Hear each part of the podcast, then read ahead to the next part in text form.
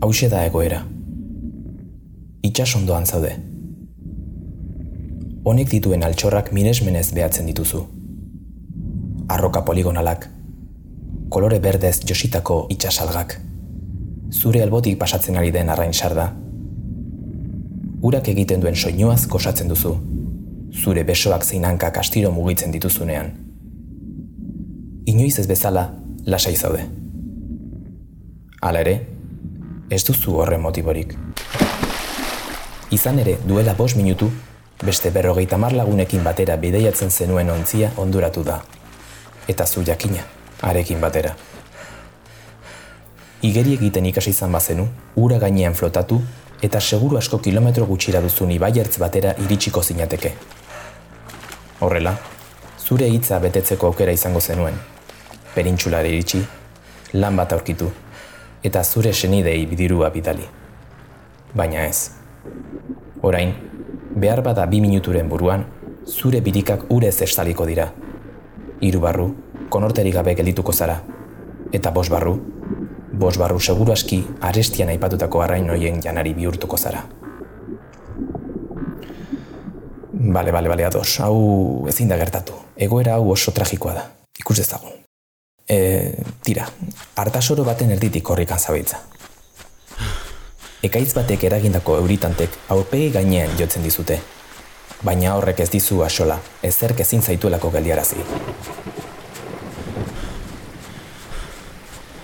Edo bai? Baliteke zure ingurutik erortzen ari den bombaren bat izatea, zurekin zijoazen soldadukideekin egin duen antzera. Edo, baliteke zu bezala pentsatzen, baina kontrako bandoren alde borrokatzen duen soldadu batek, zure korputzean apuntatu eta asmatu arte tiro egitea.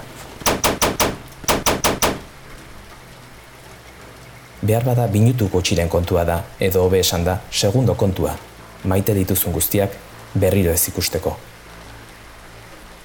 Bale, bale, bale, ados, hau ere ezin da gertatu. Egoera hau ere oso soritzerrekoa da.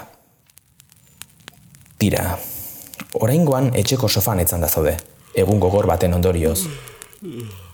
Kanpoan sekulako hotza egiten duenez, ondoko tximinia piztuta utzi duzu.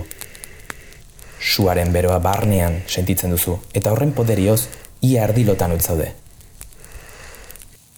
Baina mesedez, zuk ez duzu inoiz tximiniarik izan, funtxean duela pare bat ordu sakarrontzitik hartutako berogailu bat piztu zenuen, urteak daramatzana berrikusi gabe. Laster, ura lehertu eta duela aste batzuk okupatu zenuen etxea sutan hasiko da. Baina ordurako, zuk eta zure ingurukoek behar adina karbono monoksido arnastuta izango duzue, eriotza gozoa deritzona jasanez. Haien, uste dute goera hau ere tragiko egia dela. Ez, ez, ez, ez zuetzara etxe horren barruan dagoen pertsona. Ez da den gerra hartatik ies egiten saiatzen ari dena. Ez da itxasoan ontzi horrekin batera ondoratuko dena ere.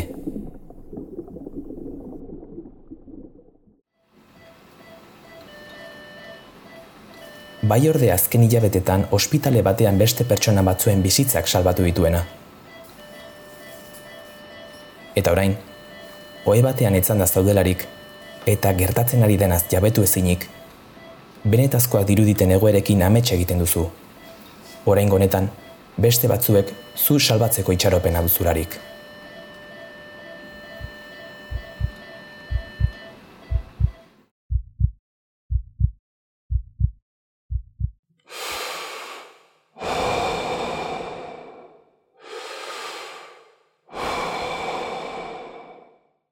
zorioneko azarela dirudi.